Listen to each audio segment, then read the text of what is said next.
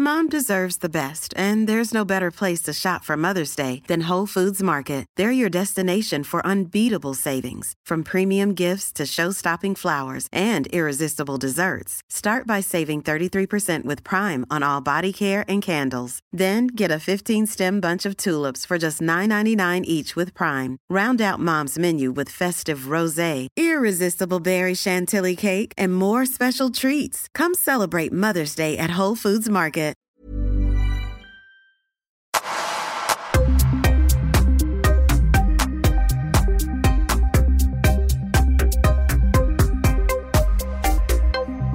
Aron Andersson, välkommen till Öppet sinne. Tack så mycket, kul att vara med.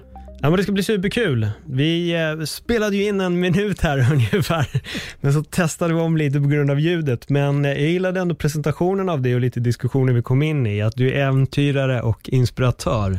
Men du känner dig mer som en äventyrare än en inspiratör. Ja, men jag tycker hela den här titeln inspiratör är ganska märklig. Så här, jag tänker att jag kan inspirera folk med mina äventyr, men så här, säga att man är inspiratör, det, det är ju som att man, man säger att man inspirerar folk, som, Mm. att man gör det, det vet man ju inte. Nej. Det är ju helt upp till mottagaren vad jag gör. Ja. Så jag försöker säga att jag, jag är föreläsare och äventyrare. Det är det jag håller på med. Sen om det peppar folk, fantastiskt. Men det är klart vissa inte blir inspirerade. Vissa tycker jag bara jag är tokig. Liksom. Mm. men är det inte så, ibland behöver vi vara lite galna. Ja, inte absolut. Jag gillar att, att göra saker som är lite Ja. utanför boxen. För du är ju en mallbrytare. Alltså du är ju ändå en som bryter mallen på ett sätt, att du gör det som vissa säger kanske egentligen inte ska gå. Och det har ju du gjort med dina äventyr. Så du bevisar ju gång på gång på gång att det folk tror behöver nödvändigtvis inte stämma. Ja, absolut. Och det är väl hela min affärsidé, eller vad man ska säga. Att jag gillar att visa att, att man klarar så otroligt mycket mer än vad man någonsin trodde var möjligt. Ja. Och det är det, jag älskar verkligen det, för jag är själv en förespråkare utav det, precis som jag berättade lite för dig innan, när vi började podda, så jag har själv tagit upp det här i några avsnitt om mig själv, att varenda lilla, liten, liten detalj som vi egentligen lär oss i livet är bara ett bevis på att vi kan så otroligt mycket mer. Och jag tycker att du är verkligen definitionen utav det. Ja, men det- tack, vad roligt. Nu skulle jag säga, det är inspirerande. Cirkeln är sluten där. Men för de som inte vet vem Aron Andersson är, vad, hur skulle du presentera dig själv? Ja, vad säger man? Så här, jag är 32 jordsnurr gammal. Jag, jag bor i, i Täby utanför Stockholm med min fru och vår hund. Eh, och Jag älskar att göra äventyr och utmana mig själv på olika sätt, samtidigt Mm. som jag åker runt och föreläser och pratar mycket om det. Och Det som är lite speciellt med mitt sätt att vara äventyrare på är att jag, jag sitter i rullstol sedan jag hade cancer som barn. Mm. Och det, det gör ju så att jag har ganska annorlunda förutsättningar. Jag kan inte äventyra som en så här, inom situationstecken vanlig äventyrare, utan jag får göra det på mitt sätt helt enkelt. När, när och hur eh, kom cancern? Eh, Jag var sju år gammal och satt i bilen på väg ner till mormor och morfar för att fira jul. Och jag fick ont i rumpan av att sitta ner. Det var en så här, ja, konstig smärta och värk som kom inifrån på något sätt. Och uh, ungefär tre veckor senare så åkte vi in till sjukhuset med det där och fick det uppkollat. Och då kunde man till slut se att det var, en tumör stor som en, ja, en knytnäve som satt i korsbenet i ländryggen, Mm. eller i bäckenet. Eh, Och fick ett år med cellgift och strålning. Och till slut så fattade man att det här funkar inte. Det går inte. Det går inte att bota cancern. Behandlingarna biter inte. Vi måste operera. Så jag opererades när jag var nio. Mm. Eh, och sen hamnade jag i rullstol när jag var, när jag var tio. Visste man redan då när operationen gjordes att det kunde leda till, alltså alla ingrepp är ju en risk. Mm. Absolut. Det, det man sa till mig var så här, Aron, du, du kommer kunna gå en del, men, men du kommer inte kunna springa. Och så. Eh, och jag, jag kan gå en del, jag kan gå lite med kryckor och sådär, men det är väldigt, väldigt dåligt. Eh, och, men det, det, som, det som blev också, att jag, först fick jag inte sitta på ett års tid efter operationen. Och under den perioden så var jag tvungen att liksom, gå och stå och hitta olika sätt att lösa det. Eh, och Jag kommer också ihåg att jag hade sån så här rädsla för att hamna i rullstol. Och Jag tror det är en rädsla som jag delar med väldigt, väldigt många. Att man, man är skraj för det. Så att sitta i rullstol, då är, då är det över. Då är livet kört. så. Och Jag hade verkligen den rädslan. Men när jag fick börja sitta ner så var jag på ett läger där det fanns en, fanns en ledare som hette Pia som nästan tvingade mig att prova hennes rullstol. Och det där blev en sån så här otrolig så här game changer för mig. Mm. Jag förstod där och då när jag satt med den här stolen och tog några tag, jag fattade så här, wow, det här är, det här är mycket bättre än gå med kryckor. Jag ska ha en sån här. Och då blev det positivt istället. Men som du är inne på, om någon hade sagt till mig innan operationen att vi ska göra den här operationen nu och sen kommer du sitta i rullstol resten av ditt liv. Det hade varit mycket svårare att hantera. Mm. Men, men, men istället så sa de, du kommer kunna gå. Jag kunde leva lite på det hoppet. Och sen förstod jag att rullstol är så mycket bättre. Det är intressant det där egentligen, hur en liten detalj i en mening gör en sån stor förändring. Mm. För en viss läkare hade lika gärna kunnat sagt att du kommer nog att få sitta i rullstol resten av ditt liv. Medan en annan säger att du kommer kunna gå, men Ja visst, och det är det som hade varit intressant. Att hade det varit en läkare som, som kände någon som satt i rullstol och hade ett bra liv i rullstol, så kanske de tyckte att fasiken var bra att hamna i rullstol. Alltså rullstol är jättebra. Och, men jag som mottagare hade inte fattat att det är så. Så att äh, det är sådana små distinktioner som gör en väldig skillnad i slutändan. För du, du fick, ju- ja, innan vi liksom flyger framåt lite, så vill jag att vi är kvar lite där i, i de tidiga åren. För du var ju väldigt aktiv också som, eh, som barn. Ja, precis. Jag, jag gillar ju att, att sporta innan, innan jag blev sjuk. Och det var så här, ja, men, fotboll och innebandy som alla kids. Men hur höll du balansen? Nu tänker jag rent så här mentalt. Vad var det som gjorde att du ändå lyckades bibehålla en viss positivitet i det här? För jag tänker bara att det hade varit väldigt lätt för vissa att gå ner sig jätte, jättemycket. Hamnade du där någon gång eller var, det, var du för ung? Eller hur Ja, lite. Jag tror att det som barn så är det på något sätt enklare. Mm. Man har ett sånt supportnät runt omkring sig. Mina föräldrar och brorsor är fantastiska. Så, så det gjorde ju väldigt mycket. Och, och på något sätt så hade man inget val heller. Mm. Alltså jag slängs in i den här processen som sjuåring. Jag visste inte ens vad cancer var. Man ska in till sjukhus, man ska in till behandling, man ska, måste bara göra de här sakerna. Visst, det är klart det var mycket smärta. Det var ju otroligt tufft. Men eh, samtidigt så var det bara att ta sig igenom det på något sätt. Man hade inga, inga val. Och vilket jag kan tänka att det gjorde det lite enklare.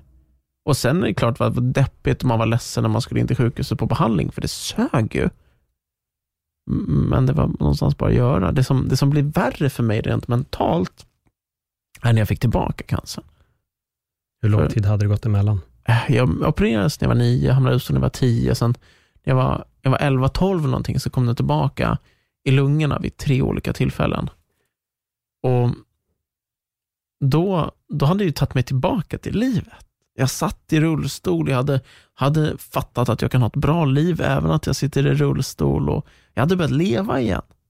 Och så plötsligt kommer den käftsmällen tillbaka.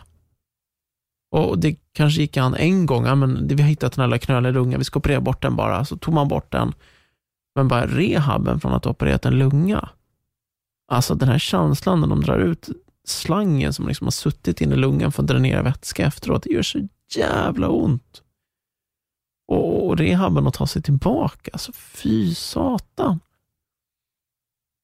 Och sen åka på det två gånger till. Mm. Då snackar vi jobbet på riktigt. Kände du att du ville ge upp? Det är klart man känner det. Kl- Klart jag här, men jag vill inte in och göra den operationen, det får vara bara. Men samtidigt fattar jag att jag gör inte det så dör jag. Det, så det gick ju inte upp. Återigen, där jag hade inget val, men, men det var väldigt tufft och jobbigt. Och någonstans det som fick mig ur det också var ju idrotten. För då hade jag verkligen hittat tillbaka till idrotten, så här, ja men rullstolssporten. Eh, och det blev en så stor del av mitt liv. Det gav så mycket kraft och så mycket energi, så att det, det tror jag hjälpte mig ur det. Vilken gren var det du hamnade i? Äh, Det var lite olika sporter. Alltså först och främst var det framförallt friidrott. Eh, Jag körde sån trehjulig tävlingsrullstol, så jag körde runt, runt på banan. Så det var 100 meter upp till, upp till ja, egentligen 5000 meter då när jag var junior. Och sen spelade jag mycket källhockey eh, och seglade även en hel del. Vilka, inspiratör, vilka inspirerades du av? Jag tänkte som ung. inspiratörer där. Eh, det var alla möjliga. Bland annat fanns en kille som hette Håkan Eriksson, som var eh, kanske Sveriges bästa liksom, rullstolssprinter på den tiden. Han slog någon världsrekord, hade vunnit VM tror jag, så, där, så att han var ju han, han var ju jättehäftig. Så man såg honom tävla på någon tävling och jag sa wow. Så. Men eh, ja, så det, fanns en del svenska. Samma sak med, med Kjell Kocken, så fick jag tidigt träna med liksom landslagskillarna där, för vi, de var med i Nacka och jag var med i Nacka och liksom, ganska tidigt fick jag börja träna med dem. Mm. Och det också var ju så coolt. Och, och både se hur de som agerade på, på, på, på isen, men också se hur de agerar liksom på sidan av isen. Och, och ha sådana såna förebilder tror jag var väldigt viktigt som visar att man kan sitta i rullstol och ha ett fantastiskt liv. Och man fixar så mycket mer än man tror, även om man sitter i rullstol. Mm. Och de hade liksom familj och barn och sådana grejer och det gick vi få ihop det. Mm. Och ha ett schysst liv liksom. Och ändå spela hockey på väldigt hög nivå. Hur länge spelade du hockey? Eh, Jag började när jag var typ 11 kanske. Och sen spelade jag väl till var ja, 25 ungefär. Älskar den idrotten. Så jäkla kul källhockey. Har du sett det någon gång? Jag har sett det. Jag ska inte säga att jag har sett en hel match, men jag, jag har ju sett små segment av det.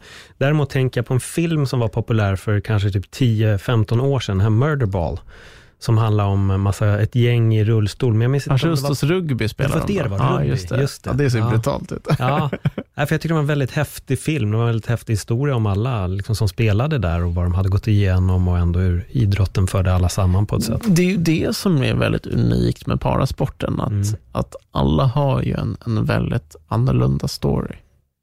Alla har gått igenom något som är, i, i här vanliga personers ögon är väldigt tufft.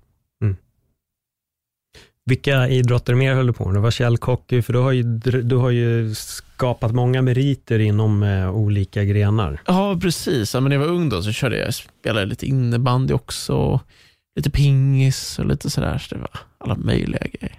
Mm. Du vet, man, man gjorde allt som var kul. Men, men sen vart det ganska snabbt att jag fokade mer på, på friidrott, källhockey och segling. Så jag var med och körde, eller jag var med som reserv i segellaget i Paralympics 2004 i Aten. Och efter det så slutade jag egentligen segla. Sen, sen fokuserade jag väldigt mycket på friidrott och på, på källhockey. Mm. Så det blir, det blir mina två sporter. Så. Vilka delar inom friidrott var du höll på med och hur går de till? Ja, men det var medel och långdistans och, och i slutet av min karriär har det varit mer fokus på så medeldistans. Att jag körde 800, 1500, 5000 meter på bana. Så att runt, runt på banan. många, många varv har man nött på en friidrottsbana i sitt liv. nu. Låter nästan som Nascar på något sätt, för det är också runt, runt, Ja, runt, ja, men, runt, runt. det, och det är lite samma hela den här att eh, rullstolsåkningen går ju ganska, den är ganska snabb. Ja. Så det blir lite mer som ja, men, Nascar eller cykling eller något sånt, att man ligger bakom varandra och man kan ligga i suget och spara kraft. Och så, när ska man gå om, när ska man attackera, när ska man spara kraft? Så att det blir otroligt, otroligt taktiskt de här loppen. Så det, ja, jag tycker fortfarande att det är otroligt kul att kolla på. Mm. Men det är ingenting du gör längre? Nej, men det som hände var att jag, jag höll på att satsa mot, mot Paralympics i London 2012. Jag hade varit med i, i Peking och alltså jag var 20 när jag var med där, man, man så här, med för att se och lära på något sätt. Och sen hade mina resultat börjat komma ordentligt 2011. Jag hade, hade varit med på någon Diamond League-gala, placerat mig bra och slagit någon som hade tagit medalj på Paralympics. Och så här, så man, man började känna att det var på gång. Men i slutet på 2011 började jag få strul med min högra höft. Och du vet, jag så gick till kiropraktor och kinesolog och allt så här, men ingen lyckas fixa det.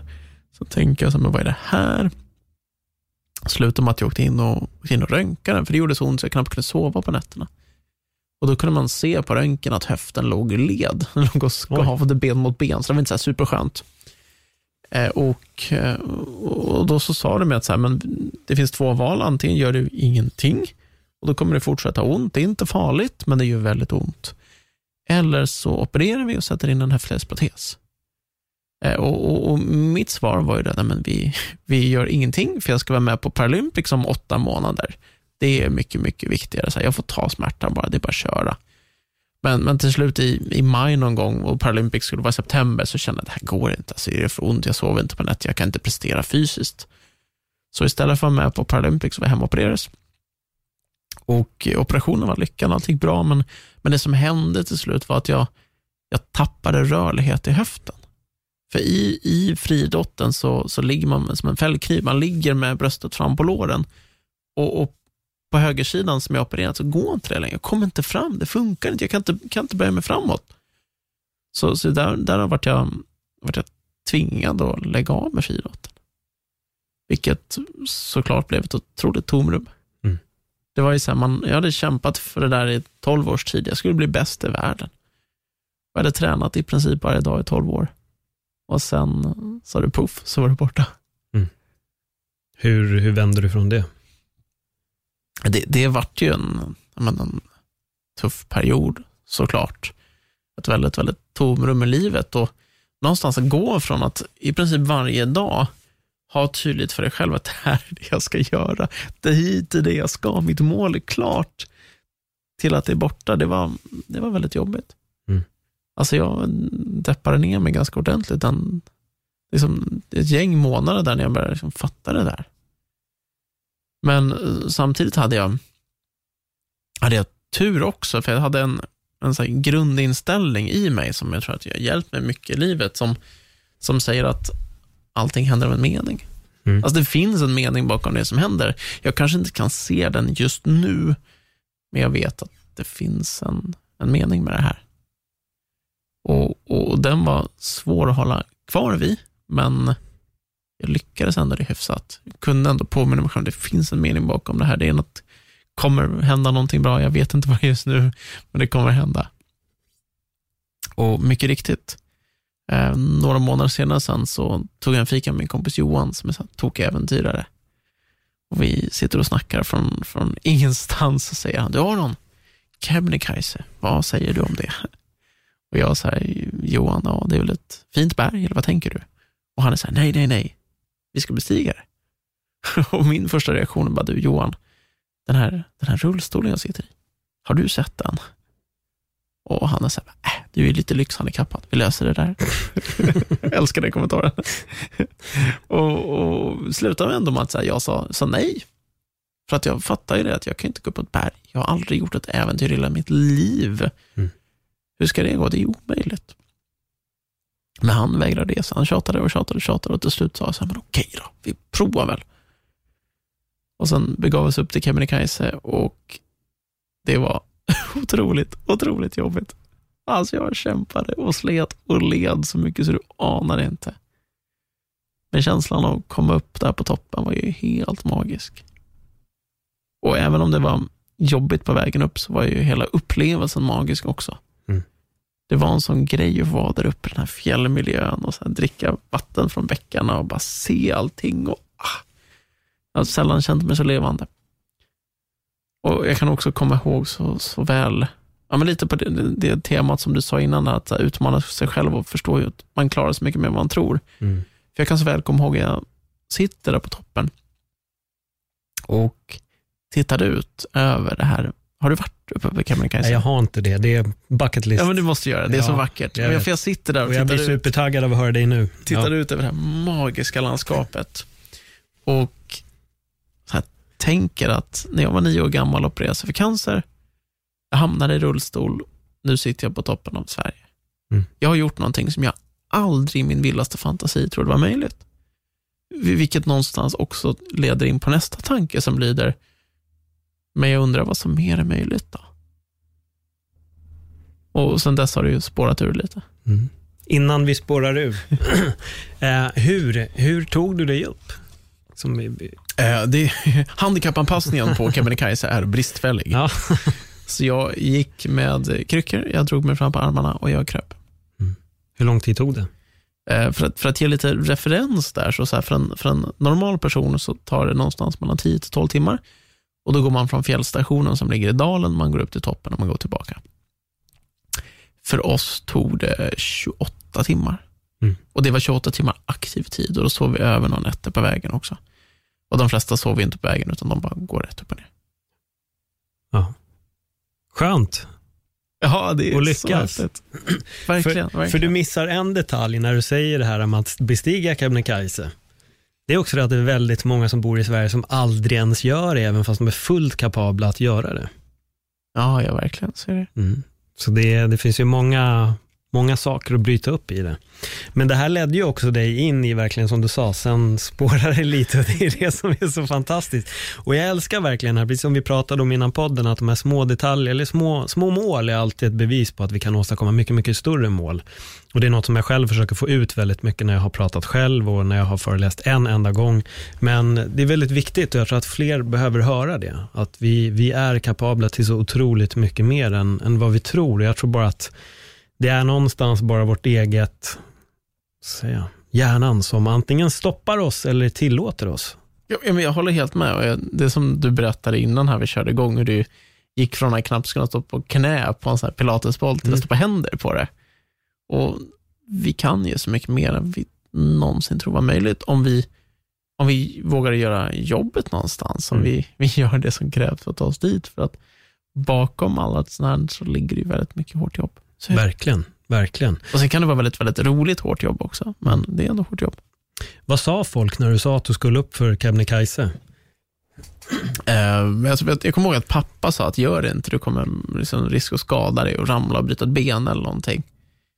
Och en del andra var så ah, vad häftigt så. Och, och, och, och min, min, min bästa polare sa att det är inte en chans att du kommer klara det, det är omöjligt. så det var väldigt blandat. Ja. Vad var nästa mål efter Kebnekaise? Vad kände du när du väl satt där uppe? Började du direkt planera något nytt eller hur var det? Nej, det, det som blev efter det var att köra, köra klassiken. Mm. Så jag satte upp ett mål att jag skulle köra, köra klassiken under 24 timmar som första person i rullstol. Så året efter körde jag igång med det eh, och ja, fixade det till slut. Vilka grenar är i klassiken? Eh, först kör man, eller man kan köra med vilken ordning man vill, men, men på året så ligger Vasaloppet först och sen är eh, Vätternrundan och sen Vansbrosimmet och, och Lidingöloppet. Mm. Så att alla de är ganska utmanande, speciellt man gör med bara armarna. Men det som, det som nästan var kämpigast för mig och tuffast att lära mig var ju också att, att, att, att simma. så.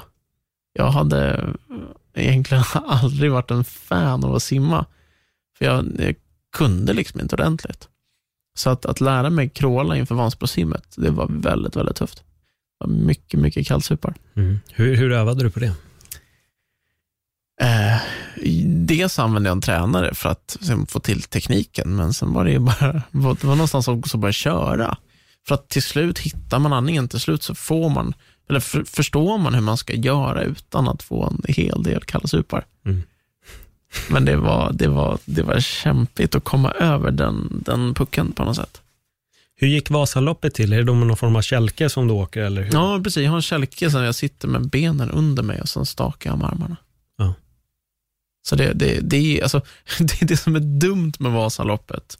Jag har åkt väldigt mycket skidor nu senaste åren, men det som alltid är strul med Vasaloppet, varje gång jag åkt, är att det varit så dåliga spår. Och när man sitter ner och kör sitski så blir man så känslig för dåliga spår, så det är så här, Vasaloppet är nio timmars krigande för att ta sig igenom. Mm. Jävlar alltså, jag blir bara hänförd av att höra allting du har gjort. Själv har jag åkt längdåksskidor någon gång när jag var ungefär tio. men, men, jag skulle vilja också någonstans här, att, att jag har gjort otroligt mycket sådana här grejer för att jag tycker att de är kul. Mm. Och Jag vet att en del lyssnar på mig i olika tillfällen så att någonstans har fått dåligt samvete för att man inte gjort så mycket. Och Jag tycker inte man ska ha det. Jag tycker snarare att om man ska ha dåligt samvete så är det för att man, man inte har gjort de sakerna som man själv innerst inne faktiskt vill göra. Mm. För att man kanske lyssnar på det här och säger, ja men varför inte gjort det där? Men du kanske inte tycker om det, du kanske inte tycker det är kul, men gör, gör det det man själv vill göra någonstans. Det som ger en själv energi. Jag får väldigt mycket energi av att göra de här grejerna. Jag tycker de är väldigt, väldigt roliga. Mm. Jag tror det är det viktigaste.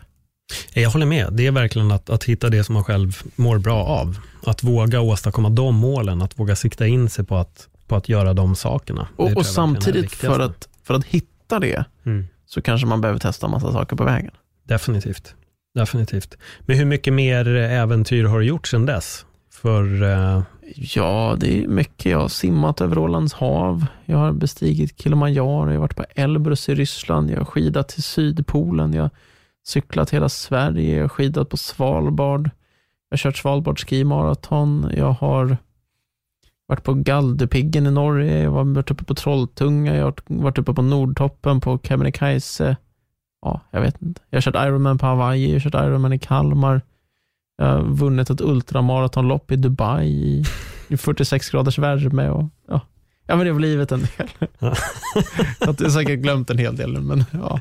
Jag har gjort mycket. Sen har jag gjort 500 fallskärmshopp också. Ja, skönt. Det är min nya hobby. Jag tycker Ja, det det är är så. fantastiskt kul. Ja, vad är det som är så roligt med fallskärmshopp? Eh, alltså, I början var det nog mycket adrenalinet, att man, Mm. man går igång på det och man känner sig väldigt levande. Men nu handlar det så mycket om att jag lär mig så mycket bara i hopp. Jag utvecklas så mycket. Man blir bättre på så här, hur flyger jag min kropp i frifall? Mm. Hur gör jag för att så här, sitta och flyga eller stå och flyga? Liksom, flyga med huvudet neråt. Man kan, alltså, kroppen blir en vinge så när man flyger. Hur, hur anpassar man den för att få bästa vingen på något sätt? Och sen när man väl fäller ut sin, eller drar sin fallskärm, hur flyger jag den så snabbt som möjligt? Hur gör jag så här swoop-landningar? Hur gör jag för att landa med bäst precision? Och, alltså det är en sån otrolig inlärningskurva, Mm. vilket jag tycker är så, så kul. Och det är så, jag tänker det är som med allt i livet, att när man känner att man utvecklas mycket, då är det roligt. Ja men verkligen. Det är det som är det spännande när man hittar någonting där man hela tiden kan fortsätta utvecklas. Och jag tänker lite på dina simningar också, att gå från ett gäng kallsupar till att simma till, vad sa du att det var, Ålands, Jag simmar från Sverige till Åland. ja, det, var, var kom den idén ifrån? det väl en vanlig idé, va? Nej, jag orkar inte ta färjan. Jag, jag, jag simmar över. Nej, nej, men det, jag lärde mig simma då 2000, eller lärde mig kråla 2014 när jag körde klassiken. Och började väl någonstans ändå så här, gilla att simma efter jag hit, fick till det där så. Eh, och, och sen började jag klura mig, så här, man kanske ska kanske ska hitta på ett simäventyr då. Så. så jag började prata med lite vänner och då sa någon så här, men Aron häng med på vårt projekt vi ska simma stafett från Sverige till Åland. Och jag tänkte så här, är ni tokiga? Det går ju inte. Men jag pratade lite mer om de skulle köra så 6 kilometer per person och kanske så dela upp det. Och jag tänkte så här, det är dubbla Vansbro, men det med mycket träning, det kan jag fixa. så. Men, men ganska snabbt så fattade jag att jag var bokad på föreläsningar den där datumen, jag får inte ihop det, så här, det går inte. Men samtidigt så kan jag inte släppa idén, för jag liksom gick igång på idén till slut. Och så tänkte jag till slut, men kan jag göra det här själv då? 37 kilometer på öppet hav. Det, hur svårt kan det vara? och, och sen, sen fr- frågar jag mig någonstans, men vad är det värsta som kan hända då? Eh, och då kanske du tänker drunkna, så, men jag tänkte att jag har följebåt med mig, så att det känns inte som att, Mm. känns inte som att alltså, riskerna är så stora. Det känns som att det värsta som kan hända är att jag får bryta, och så får de fiska upp mig. Så, så att jag började träna för det där. Och 18 månader efter att jag lärde mig kråla så kom jag fram till Åland. Hur lång tid tog det? Eh, 13 timmar. Var det 13 timmar nonstop då eller? Och nu sitter jag på att du tog en paus nej, mat, så eller? jag, jag låg kvar i vattnet i 13 timmar. Mm. Och sen ungefär en gång i halvtimmen så stannade jag bredvid båten och så slängde de ner mat och dryck till mig. Så jag kunde fylla på min energi. Känslan när du nådde fram? Ah, så skönt. Framförallt den största utmaningen. Jag hade våtdräkt på mig för att kunna hålla värmen, men jag blev ändå så förbaskat kall. Mm. Och den sommaren, så här, det kom inte riktigt igång temperaturen i vattnet, så att det var så här 14-15 grader i vattnet. Alltså det var, äh, det var kallt. Mm. Och sen, sen blåste det upp också. Det gick från att vara så här, prognoser sa att det skulle vara väldigt lugnt och fint, till plötsligt var det en och en halv meter vågor på havet. Oj. Och det är inte jättekul att simma i. Nej. Så att det, det var några olika faktorer som, som gjorde att det var riktigt jobbigt. Hur många gånger kände du att du, äh, skit i det här nu, det räcker? Eh, Det är klart det var många, Mm. men samtidigt, så här, jag kör någonstans den här strategin, en, en vätskepaus till. Mm. Jag ska ta mig till nästa, sen bryter jag. Så lurar hjärnan lite, så kommer man dit, men en till fixar jag. Och sen en till och en till och en till och en till. Och, ja. Till slut börjar man närma sig och då kan man inte ge upp. Små mål som leder till det stora målet. Jag tror mycket på det, sätta upp så här mikromål för sig själv. Mm. Hur jobbar du med det när du gör andra prestationer eller andra äventyr? Ja, men väldigt mycket, både på äventyr, alltså rent, i rent fysiska sammanhang är det väldigt lätt. Alltså Mm. Jag tror väldigt många som lyssnar har någonstans varit ute och joggat och tänkt att nästa lyktstolpe, så, jag ska bara springa dit och sen bryter jag. Sen en lyktstolpe till och en till. De som har kört Vasaloppet räknar kilometerskyltar eller vad det nu är för någonting. Så det är ganska lätt i fysiska sammanhang tycker jag. Men, men, men jag använder det någonstans som lika mycket i jobbsammanhang. Så. Så ha checklistor för sig själv och dela upp sina mål i liksom mycket, mycket mindre beståndsdelar och kunna checka av. Och Det man ser liksom rent forskningsmässigt, att då får man ju en liten dopaminkick för sig mm. själv också. Får man en liten motivationsboost för varje gång man checkar av någonting. Så att jag tycker den strategi som funkar väldigt bra. Men det låter som att du då applicerar det på fler detaljer även i, i din vardag också. Absolut, absolut. Funkar så bra. Mm. Jag berättade för dig att jag löste en Rubiks kub i en isvak. Jaha, det är snyggt jobbat. jag tänker lite på ditt simmande. För här blir det ju kylan. Alltså isen var, alltså den kan ha varit typ 30 cm tjock. För, för jag gick in två gånger, den andra gången löste jag en 5x5 kub, mycket större. Have catch yourself eating the same flavorless dinner three days in a row? Dreaming of something better? Well, hello fresh is your guilt free dream come true baby. It's me, Gigi Palmer. Let's wake up those taste buds with hot, juicy pecan crusted chicken or garlic butter shrimp scampi. Mm. Hello Fresh. Stop dreaming of all the delicious possibilities and dig in at HelloFresh.com. Let's get this dinner party started. Hey, it's Ryan Reynolds, and I'm here with Keith, co star of my upcoming film, If, only in theaters, May 17th. Do you want to tell people the big news? All right, I'll do it. Sign up now and you'll get unlimited for $15 a month in six months of Paramount Plus Essential Plan on us. Mintmobile.com slash switch. Upfront payment of $45 equivalent to $15 per month. Unlimited over 40 gigabytes per month. Face lower speeds. Videos at 480p. Active Mint customers by 531.24 get six months of Paramount Plus Essential Plan. Auto renews after six months. Offer ends May 31st, 2024. Separate Paramount Plus registration required. Terms and conditions apply if rated PG. Jag vet ju att jag kände många gånger att jag skiter i det här. Och det, blev, det uppstod förvirring när jag skulle komma på vad fan ska jag lösa härnäst. Så det finns en instans när jag står och snurrar på kuben, för jag har löst mittdelen av kuben, alla centerpunkter. Och jag, bara, jag visste inte var jag skulle börja. Så jag ser på videon som min kompis filmat, jag står bara och snurrar på kuben och sitter och tänker så här, ska jag gå ut, var ska jag börja? Ska jag gå ut, var ska jag börja? Sen bara pålös något bara, okej. Okay, och då började det, men det var hela tiden den här kampen, jag var så här, men en grej till. Jag hamnade lite i det som du säger, en liten grej till. Slut bara, nu är det så lite kvar, bit bara ihop. Jag tror det tog totalt nio minuter att lösa den. Jag löser den i värme på cirka fem. Så det var nästan dubbla tiden då. Men det ja, är verkligen... Det är länge ni svag. Ja, det är, det, det är en stund. Men jag ju Wim Hof att tacka för och jag tänkte lite på det också när du berättade om det här med badet. För du har ju nämnt, och jag vill gärna komma in på det sen, med att du har sprungit på Wim Hof tillfälle. Ja, precis. Um, jag var på, på, på Kilimanjaro mm. och så var vi på Horumbo Huts, tror jag, som ligger på 3 och 7. Och så kommer han och hans gäng upp där och de går ju bara över kropp och ska upp på berget och alla helt så här tokiga typ. Så slutar med att jag och Danny Saucedo som var med och han var ju tillsammans med Molly då och, en kamerakille, vi sitter i någon liten stuga där och gör någon liten intervju med, med Wim Hof som är helt så här, nej, det var roligt, alltså så surrealistiskt. Han var inte så känd då, men nu är han ju väldigt, väldigt så stor. Mm. Vad sa han? Vad, vad var hans reaktion? För han är ju verkligen en så här embrace life och bara gör massa galenskap. Ja, jag, jag kommer inte ihåg exakt vad han sa. Jag kan säga jag var ganska sliten då själv att vara på den höjden. Mm. Men det var ju mycket med andning och sådär. Han pratade om hela andningstekniken och sådär. Att de skulle andas sig upp vid Kilimanjaro utan, utan tröja på sig. Sådär. Är det något har provat själv? Nej, jag har inte andats mig upp för Kilimanjaro utan tröja. Nej, jag, jag tänkte att du har provat hans metod. Ja, jag har gjort hans andningsövningar en del mm. och, och, och, så här, ja, men tränat på att hålla andan med, med tomma lungor och sådär. Och det är en häftig känsla att göra. Mm. Men, men jag skulle nog vilja göra den under en längre period för att verkligen kunna utvärdera. Jag tror att jag har gjort det som längst, kanske två veckor i sträck. Så. Mm. Jag har gjort det nu i fem, sex år.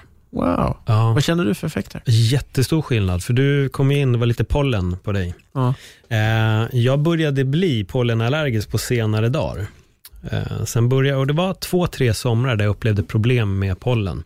Men sen började jag med Wim Hof och året efter hade jag ingen pollenallergi och sen dess har inte jag känt av pollen alls. Det är coolt. Och först tänkte jag inte, för jag, för jag började undra vad, vad fan har jag gjort för skillnad? Och då kom jag på att jag har andats. Eh, och sen tror jag det var förra sommaren, för jag, till, jag är med i en Wim Hof-grupp på Facebook, då var det en, en person som skrev om det, att jag har varit pollenallergiker hela mitt liv. Det är borta. Är det någon mer som har upplevt det här? Jättemånga hade upplevt exakt samma sak. Det är fränt, ja. då har jag anledning att köra. Men hur, hur ser ditt så här, Wim Hof-schema ut, eller vad gör du? Hur ser din rutin ut? Det brukar vara att jag vaknar på morgonen, kör andningsövningarna. Går in och tar en kalldusch. Kallduschen kommer ju såklart variera om jag duschar på sommaren kontra vintern. Ja. Mycket kallare på vintern, i alla fall där jag bor. Eh, och då duschar jag alltid från 3 till 5 minuter. Ja, du kör så länge. Ja, sen kör jag rörelseövningar direkt efter det. Så jobbar jag med rörelse. För att också få tillbaka värmen i kroppen. Ja, man behöver nästan göra det. Ja, sen har jag även några gånger när jag började med det så körde jag ganska mycket andningsövningar efter att jag hade kört yoga. Och sen gick jag och satte mig i kallingar på balkongen i snön, eller i en filt under. Grannarna bara, what the fuck? Ja, jag tror att hade folk suttit och tittat ut hade det sett sjukt, sett lite lustigt ut. Jag sitter där. Eh, men det var det jag gjorde, jag tyckte det var fantastiskt. Och då, började, då brukade jag ha musik i öronen och då visste jag att den här låten är så här lång och då var det typ allt från 5 till 10 minuter, men då visste jag att jag skulle sitta i 10 minuter. Och jag gjorde det även några gånger att jag duschade kallt i kanske två minuter och så gick jag direkt ut och satte mig, att jag lindade bara handduken runt mig och var fortfarande blöt. Och gick ut och satte mig i snön eh, och började meditera. Och här är också det alla, men du kommer bli sjuk, du kommer bli sjuk. Men jag blev inte det. Jag har varit frisk i fem år, men jag tror att jag åkte på corona här i februari, för att jag var i Spanien precis innan det smällde till. Jag kom hem den 14 februari. En vecka senare hade jag feber. Och det är Ah, första ja, gången ja. jag har varit dålig på, sen jag började med Wim Hof. Hur, hur länge var du dålig då? då? Var risig, typ. Jag hade febersymptom i ganska exakt en vecka. Det är Eh, länge, alltså. Ja, men det var, det, var, det var lågt men det var ändå feber. Första tre dagarna hade jag lite värre. Men jag fortsatte med metoden att jag andas ändå varje dag. Sen kanske jag inte kliver in i kallduschen alltid då. Nej, har man feber kanske man inte så. Nej, jag har gjort det. Det var någon gång också när jag var i Spanien så fick jag otroligt ont i halsen. Men då andades jag otroligt mycket och duschade varje dag. Men duschen kändes likadan ändå. Och då tänkte Ja, jag ja. att då är det inget problem. Men Wim Hof säger det att gå inte in om det blir jobbigt i duschen. Då ska du absolut inte duscha kallt. Men när inte jag har känt att det har påverkat mig negativt, då har jag bara fortsatt. Ja, För jag har också duschat kallt mycket i perioder och känt bara vissa perioder, men jag är för sliten för det just nu, jag ska inte Mm. göra det. Men det är schysst att han säger det också, man ska ta det lite lugnt med den andningsövningen kan man inte göra. Ja, men jag tror det. Men jag gillar hela andningsövnings, alltså metoden som man har. Dels så har jag utnyttjat den på andra sätt också i form av meditation och sitta och meditera eller visualisera. Så kan jag jobba mycket med andning där också. Mm. Och har lyckats gå väldigt djupt i meditation. Då. Det är coolt. Ja, Men, men du kör liksom så att du, du hyperventilerar i princip ja, och sen håller andan med, med tomma lungor ja, så länge du kan och sen gör du något sådana sätt. ja. Så jag gör allt ifrån 30 till 40 andetag. Och precis som du säger, då, på sista släpper man ut all luft. Att all luft går ut. Om man tomma lungor, då håller jag Det andan. känns ju väldigt märkligt att hålla andan med tomma lungor. ja, det I början, det är så känsla. obehagligt alltså. Mm. Sen har jag gjort det några gånger att jag behållit luft i lungorna också. Då har jag hållit andan väldigt, väldigt länge. Jag tror jag kom upp i cirka fyra minuter vid något tillfälle. Det är bra jobbat. Ja, och då vet jag att min dåvarande flickvän började nästan undra om jag hade dött. För hon såg att jag bara hyperventilerade och sen rörde sig inte en muskel. Man låg där. Öppna ögonen och kolla på pillerna. Så. Exakt, exakt. Men, men jag vet inte, det ger mycket. Jag tror att för mig har det varit bara den här känslan av att gå ner i en- isvak och känna att man vill fly därifrån och sen ändå kunna kontrollera den här stresshanteringen tror jag jag gillat. Eh, För jag har fått en hel del frågor om varför jag sitter i princip naken på balkongen och mediterar. För jag har lagt upp några gånger på Instagram när jag har gjort det och folk tycker bara att jag är sjuk. Men jag gillar utmaningen av att kunna hitta kontrollen i det. Att, att bli lugn, att inte bli stressad och att ändå kunna ja, men finna mig i stressen på något sätt. Det har hjälpt mig väldigt, väldigt mycket. Så jag Ja, tycker häftigt. att meditation och Wim Hofs metod, de går väldigt mycket hand i hand. Men, men kör du det som en daglig morgonrutin då eller? Ja, sen händer det såklart om jag går upp för tidigt, ja då kanske jag inte hinner, men, men då försöker jag lägga till den ändå, kanske på kvällen. Och, Hur, hur lång tid tar processen? Det är lite olika. Det finns ju en variant av att om man säger då köra en form av hyperventilering ganska snabbt, då går det ju fortare. Däremot så tycker jag att den bästa effekten som jag får, det är när det egentligen är väldigt djup och lite långsammare andning. Att man verkligen drar in att det, det är det tempot, när jag gör det tempot en 30-40 andetag, då får jag ju en speciell känsla genom hela kroppen. Eh, sen om jag gör den snabbare, då upplever jag inte att jag får ut samma effekt. Så det Ah, gäller också okej. att hitta, för mig har det handlat väldigt mycket om att hitta så rätt tempo. Men om jag gör den långsammare varianten, alltså då är nog andningsprocessen minst 10 minuter skulle jag nog säga, att bara Ja. jobba med andningen för att komma upp till de här tre, tre gångerna, men då kan jag också komma in i någon form av andningsflow och då kan det sluta med att jag kanske tar både 40-50, någon gång har jag tagit på ett 70 andetag. Mm. Extremt djupa, men den gången då jag gjorde 70, då stängde kroppen av helt. Jag kunde inte andas. Jag hade inte förmågan av att dra in luft när jag hade släppt ut.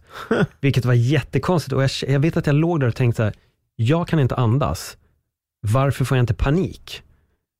Men sen var jag så här, fast ja, jag är ju syresatt så jag kanske inte ska andas. Klarar mig en stund. Och jag vet inte hur lång tid det tog innan jag kunde andas igen. Jag vet bara att jag låg väldigt länge och hade en otroligt udda känsla i hela Det är kroppen. väldigt märkligt. Alltså. Ja. Och sen till slut var det så här, nu. Men jag undrar rent fysiologiskt vad det kan vara. Att, att du är så någonstans kanske saturerad på syre eller att du har så Det var, låga koldioxidnivåer eller? Vad heter han? Det är en irländare som har skrivit en bok som heter The Oxygen Advantage. Um, han tar upp just vad som händer med Wim Hof-metoden och hans förklaring där var att kroppen är så oerhört syresatt att den behöver inget mer syre. Så man blir egentligen, det är som att du lurar kroppen på ett sätt. Du har syresatt den så pass mycket att du behöver inget, inget syre längre och det är därför du har förmågan att hålla andan så pass länge. Sen om det är bra eller dåligt, han, han tyckte då att det spelar nog ingen roll om man gör det så som Wim Hof gör det, men man Nej. kanske inte ska överanvända metoden, för att de, de är från lite två olika världar vad gäller andning. Den ena, Patrick tror jag han heter, han tycker att man ska bara andas med näsan Mm. och hitta en jämn rytm, medan Wim Hof drar in allting genom munnen. Och, så det är lite två olika skolor, men, men han sa det, och det är lite rimligt, han bara, kroppen är så otroligt syresatt att det behövs inte mer. Därför Ja, så. det är läckert alltså. Ja. Men det är så, så apropå det här vad, vad vi kan åstadkomma, vad kroppen kan klara Ja. av. Verkligen. Verkligen. Men det är det som är så fantastiskt. Jag tycker att det är det som är så fantastiskt att upptäcka som människa och som individ. Just att, bara som jag säger, första gången jag såg Wim Hof, som min tanke, oj, oj, det här kommer jag aldrig kunna åstadkomma. Men sen när han förklarar, man, nej, nej, nej, det är bara andas, duscha kallt, det är vem som helst kan göra det här, det, finns, det, det är inget speciellt, alla kan. Va? Kan jag? Så provade jag och så, det gick. Då blir så här, fast vänta nu, vad fan kan jag mer åstadkomma? Ja. nu måste jag hitta något nytt. Fan, jag måste lösa en Rubiks kub i svar. Då tar man det hela tiden till, till nästa nivå. Och det är det jag känner att du gör också. Det är det där som är så pass, pass mäktigt. Vad, vad finner du din inspiration till att bara hela tiden fortsätta utvecklas och fortsätta att testa dig själv?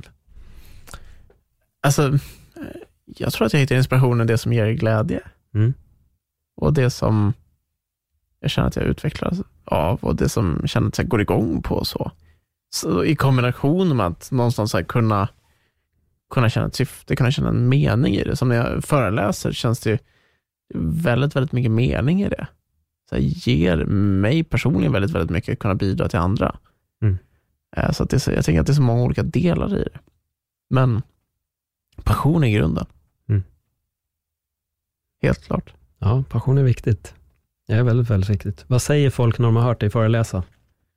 Eh, alla möjliga olika reaktioner. Eh, jag tror det många får ut av det i perspektiv. Perspektiv i kombination med mycket så mentala träningsgrejer och sånt. För att någonstans, hur gör man för att fortsätta när just när man stöter på hinder, det känns lite jobbigt. Hur gör man för att hitta sin inre drivkraft? Och det är ju mycket så här, de ämnen jag snackar om. Mm. Vad, du, vad brukar du ha för svar där?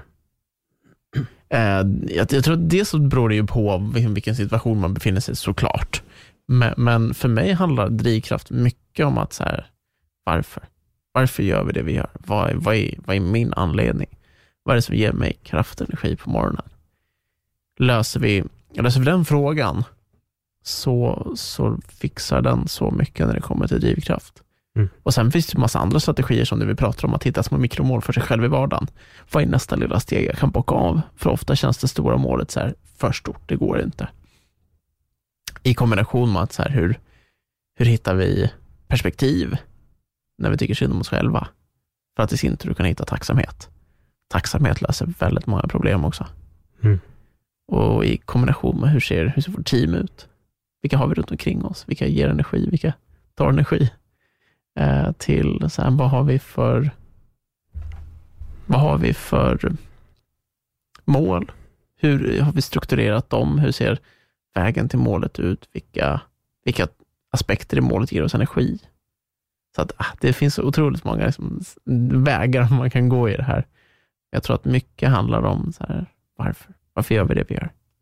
Vad är din anledning? Det är alltid den stora frågan. Varför? Jag tror det. Det Mm. ligger mycket i det och den är Mm. någonstans svår att lösa. Och hittar man en lösning som känns bra, så kanske den känns bra en period och sen funkar den inte längre. Jag tror att det är få förunnat att hitta ett varför som du kan ha från att du blir vuxen tills att du dör. Verkligen, och sen är det ju alltid nya små saker som dyker upp i ens liv också.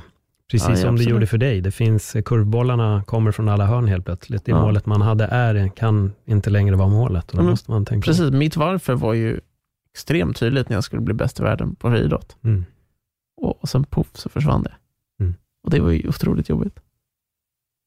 Jag har suttit och tänkt här ett tag. Eh, hur hade livet sett ut? Hette han Johan, din kompis, äventyraren, Ja, drog med dig precis. till Kebnekaise. Vad, vad hade hänt om inte han hade funnits i ditt liv tror du?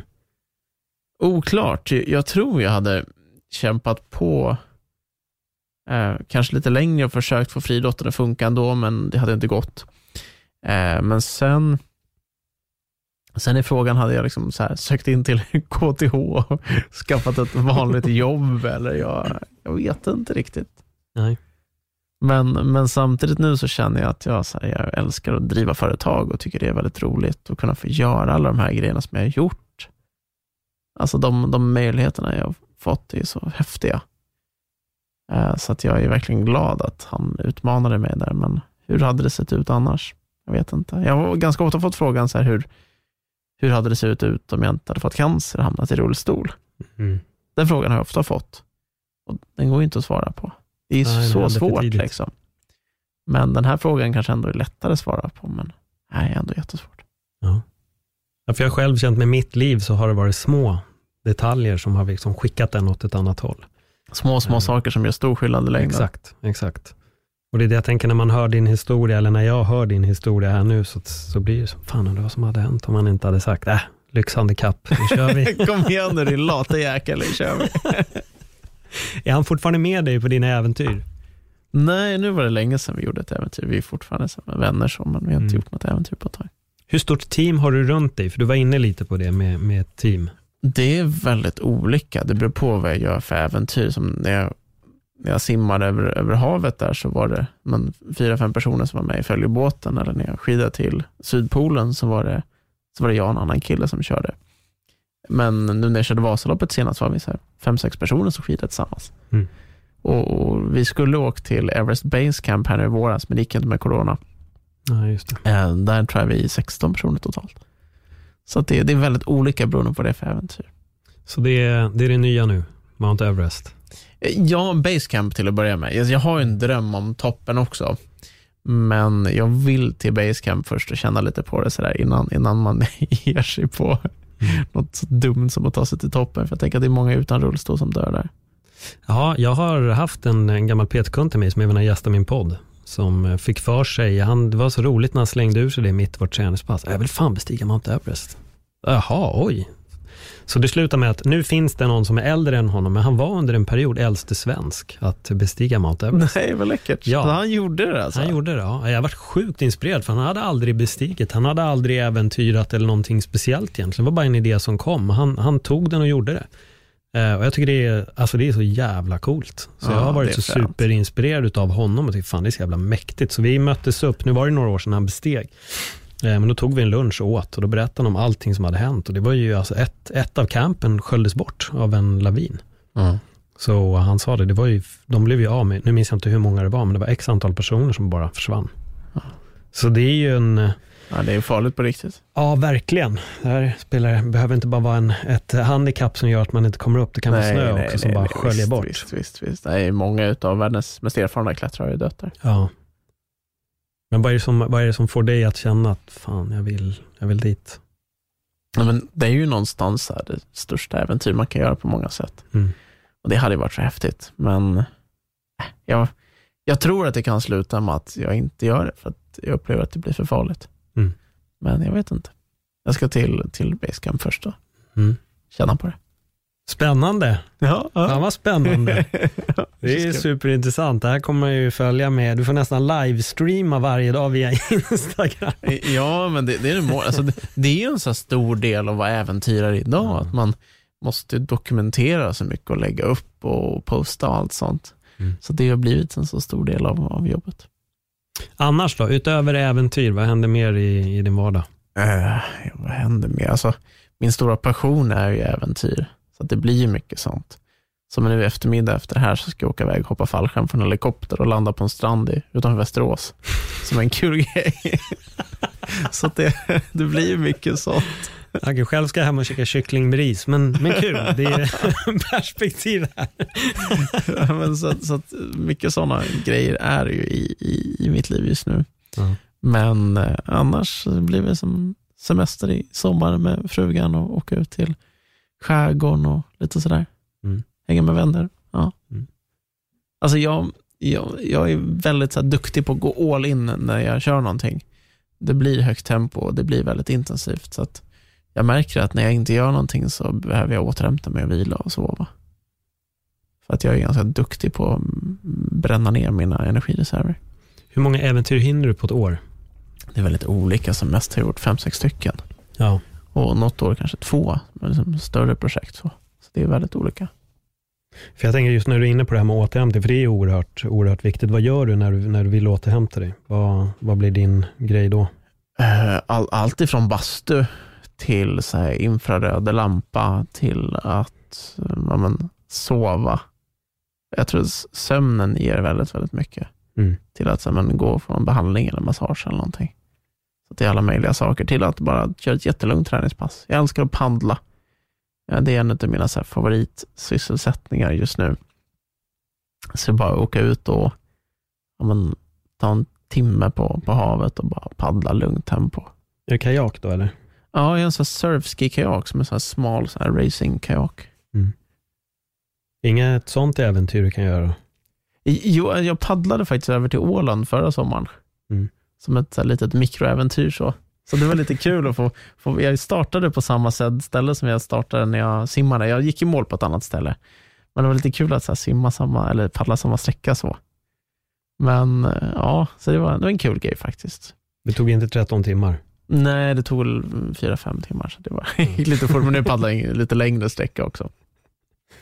Men man är, man är inte så kaxig när man sitter där i sin lilla kajak så kommer den stora färjan förbi. Bara, Ja, Jag kan tänka mig det.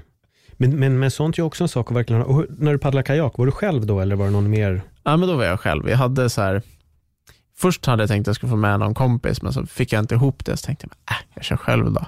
Mm. Men då hade jag så här nöd, nöd GPS-sändare och telefon och kompisar satt och kollade på GPS-sändare och sådär för säkerheten.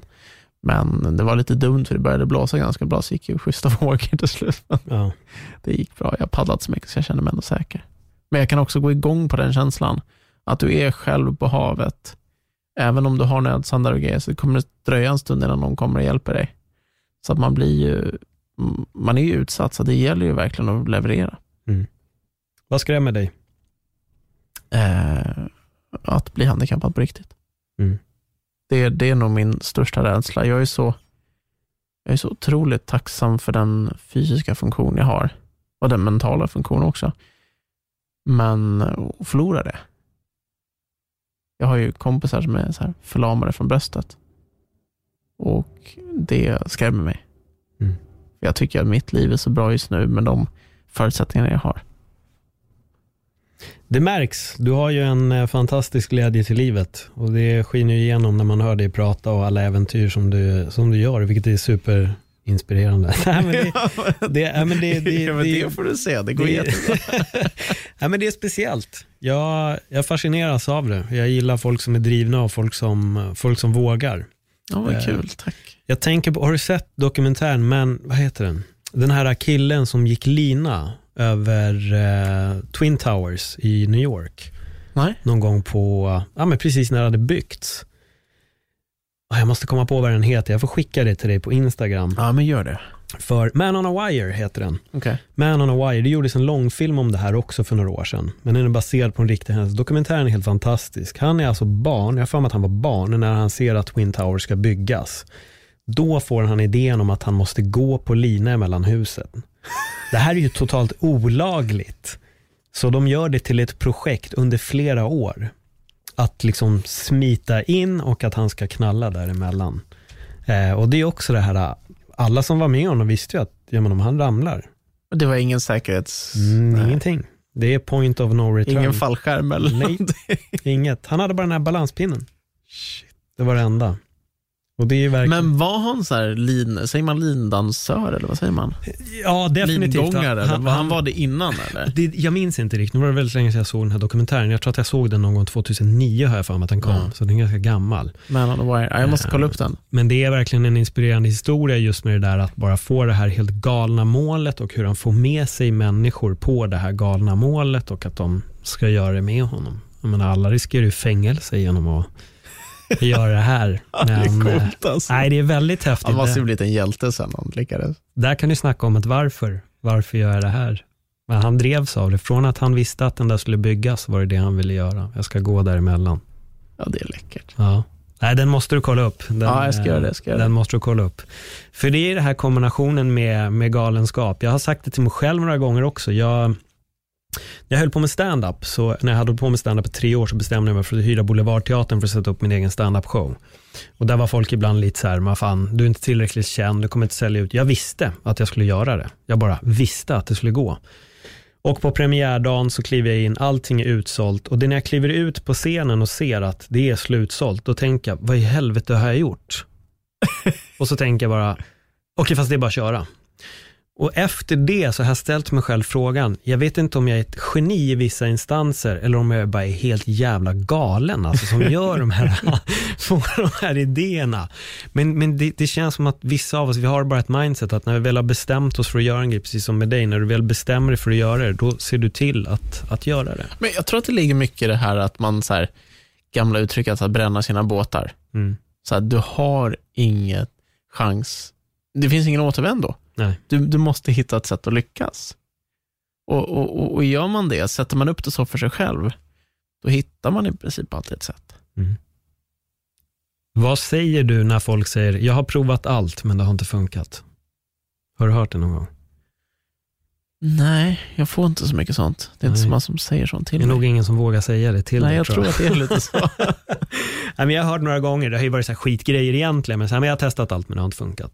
Men jag tyckte Tony Robbins hade ett bra svar. Han om du har testat allt, är du expert på det och då ska du också ha hittat alla lösningar. Eh, och jag tror att ibland vågar folk inte. Man säger att man har testat allt, så man har provat två, två saker bara. ja, eller så kan svaret vara så okej, jag har testat allt, inget funkar, men gå vidare då. Mm. Gör något annat. Ja, verkligen. Verkligen. Aron, om man inte redan följer dig, hur, eh, hur följer man dig på din resa? Var, var hittar man dig? Eh, ja, det är väl Instagram, eh, Facebook, Mm. eh, LinkedIn. Så, det är väl där jag finns. Sök på Aron Andersson, det är Andersson med ett S. Mm. Så hittar man mig. Super. Supertack för ett eh, härligt samtal. Ja, men tack själv Paul, det har varit superroligt det här. Ja, jag är megataggad på att gå hem och käka kyckling med ris och bara vetskapen om att du hoppar fallskärm och landar någonstans i Västerås. Njut av kycklingen.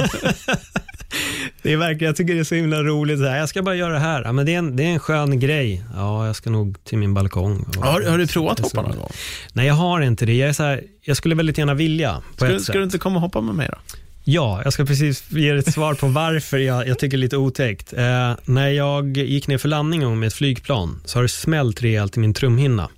Och det kändes som att jag fick en kniv rakt i örat. Så Oh. jag har jävligt ont. Jag får svårt vid tryckutjämning. Ja, jag fattar. Då så jag är lite så rädd för att det ska liksom knäppa till. Så jag har som ett stort lock i örat och har haft det väldigt länge. Ja, du blir inte av med det? Nej, trumhinnan är kollat upp det? ihoptryckt. Ja. Jag gick in och Skumt, kollade, alltså. Nej, jag gjorde hörselprov och då säger de att eh, min hörsel var bra. Men när de har kollat, oj, när de har kollat in i örat så ser man att det är som att det är böjt inåt. Huh. Och då sa de, med tanke på att du, din hörsel direkt inte är påverkad, då gör vi inget ingrepp. Det man gör annars är att man sticker in en nål och i bästa fall så går trumhinnan tillbaks. Men det finns ingen garanti för att den gör det. Och då tyckte de bara att de skulle skita i Ja, i jag det. fattar. Nej, då ska du inte hoppa fallskärm för, för tryck. Det är mycket, Skillnaden blir, alltså, varje gång jag är under skärm så får jag trycket jämna. Så. Ja. För att det blir ju en tryckförändring. För du faller ju ändå i så här 250 km i timmen mot marken. Ja. Så att det blir ganska ordentligt. Så här, om, om du får liksom, trycka i öronen när du åker bil i Alperna eller sånt och så här, Ja, hoppa inte jag. fallskärm. Så. Jag får till och med det, jag tror att det är Jönköping tror jag, som det också är någon Ja, kulle som går upp. Där får jag jättemycket. Då får jag verkligen press i öronen och det är nästan varje gång jag flyger flygplan så får jag det. Ja, Jag har experimenterat med liksom öronproppar och sånt också, men det, det hjälper lite. Det kan det göra. Men eh, vem vet, jag kanske hoppar över de här öronproblemen ändå och en dag står Ja, ja, det hojtar till i så fall för att hoppa med mig. Nej, men lätt. Men vad var det som fick dig att börja egentligen med, med hoppen? Alltså, jag gjorde ett tandemhopp när jag var 18 och tyckte det var häftigt. Och Sen tänkte jag väl inte att jag skulle kunna hoppa själv när jag sitter i stol och sådär. Sen, sen tänkte jag ändå, bara, äh, det måste ju gå. Så för några år sedan så åkte jag till Dubai och så tog jag certet där. Mm. Och på den vägen är det. 500 hopp senare. Ja. Hur frekvent hoppar du? Så ofta jag kan. Och då, I Sverige är ju bara säsong på sommaren. Mm. Så nu kanske jag hoppar någon dag eller två i veckan. Och sen är det lite lägre så man hoppar lite mer och så. Men hur kan man öva, kan man öva på det här? Det finns ju de här Det finns vindtunnel du kan öva. Ja. Kör du mycket sånt också? Ja, en del. Ja, kanske sex timmar totalt i vindtunnel. Mm. Ja. Så det får du prova. Den tror jag funkar Den bra. skulle jag vilja testa. Det är så roligt också. ja, det kan jag tänka. Bodyflight i Bromma och det finns i Göteborg också. Mm. Nej, men det, det ska jag prova. Sen ska jag överväga. Om jag hittar någon bra lösning för mina öron, då jävlar. Då... Ja, men gör det. Gör det. Hittar du något bra så får du hojta till så du varmt välkommen att komma och hoppa. Ja, men grymt. Än en gång, supertack för att du kom hit och delade med dig av din historia och jag är övertygad om att folk blir eh, taggade. Ja, men tack själv. Så kul att vara med. Ja, superkul. Ifall ni gillar det ni hörde, dela jättegärna podden på era sociala medier. Rate den om ni kan. Glöm inte att prenumerera på Fem den. stjärnor, yo. Exakt, fem stjärnor. Ja, där har ni det. Ha det jättebra. Hej då!